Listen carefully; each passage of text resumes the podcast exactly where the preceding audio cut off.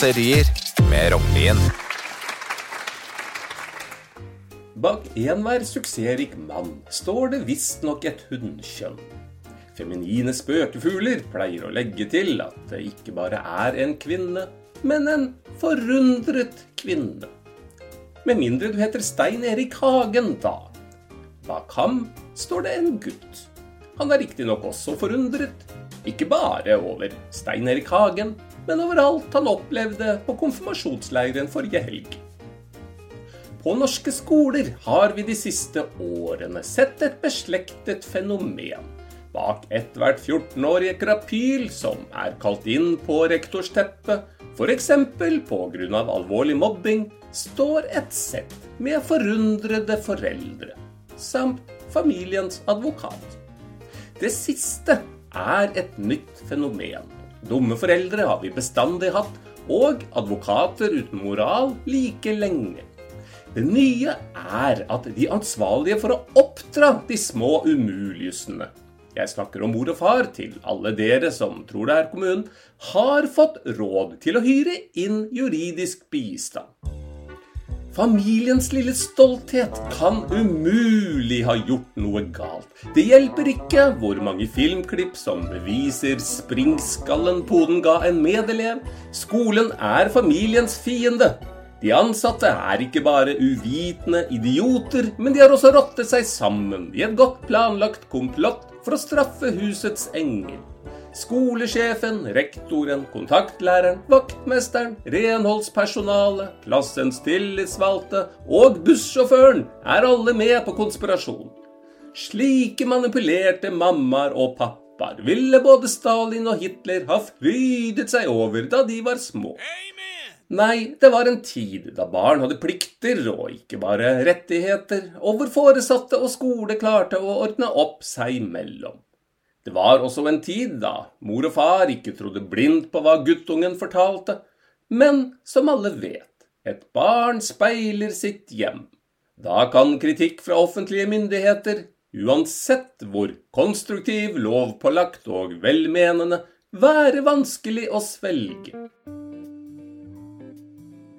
Siden jeg troppet opp til første skoledag en augustmorgen på 70-tallet, har barns atferdsproblemer forverret seg. Jeg husker godt hvor lang tid det tok å skrive straffen.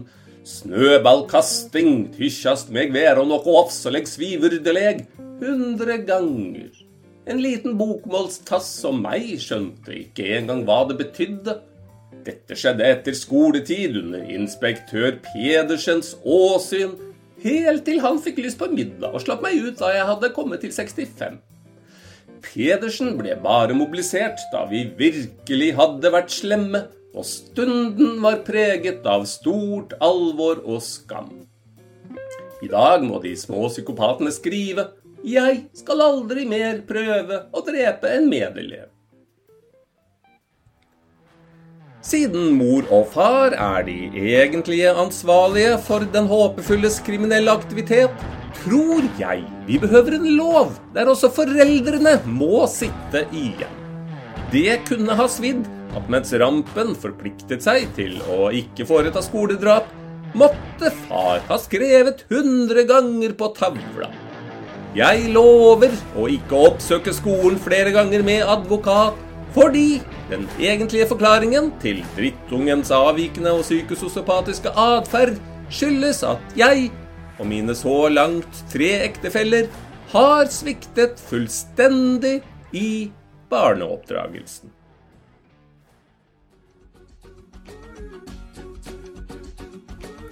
Pandemien ble derfor et etterlengtet avbrekk for slitne norske skolelærere i to år slapp de å se en eneste en av gjengangerne på BUP og røttene til de medisinske problemene foreldrene.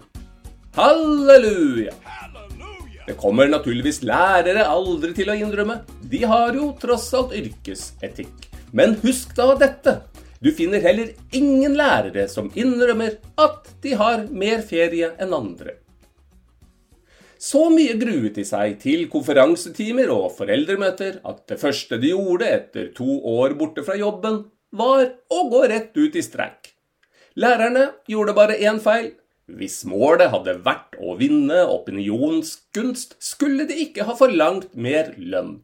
De skulle ha bedt om lovfestet smusstillegg som følge av alle konferansetimene med mammaer og pappaer fra helvete. Du har lyttet til Kuriøse kåserier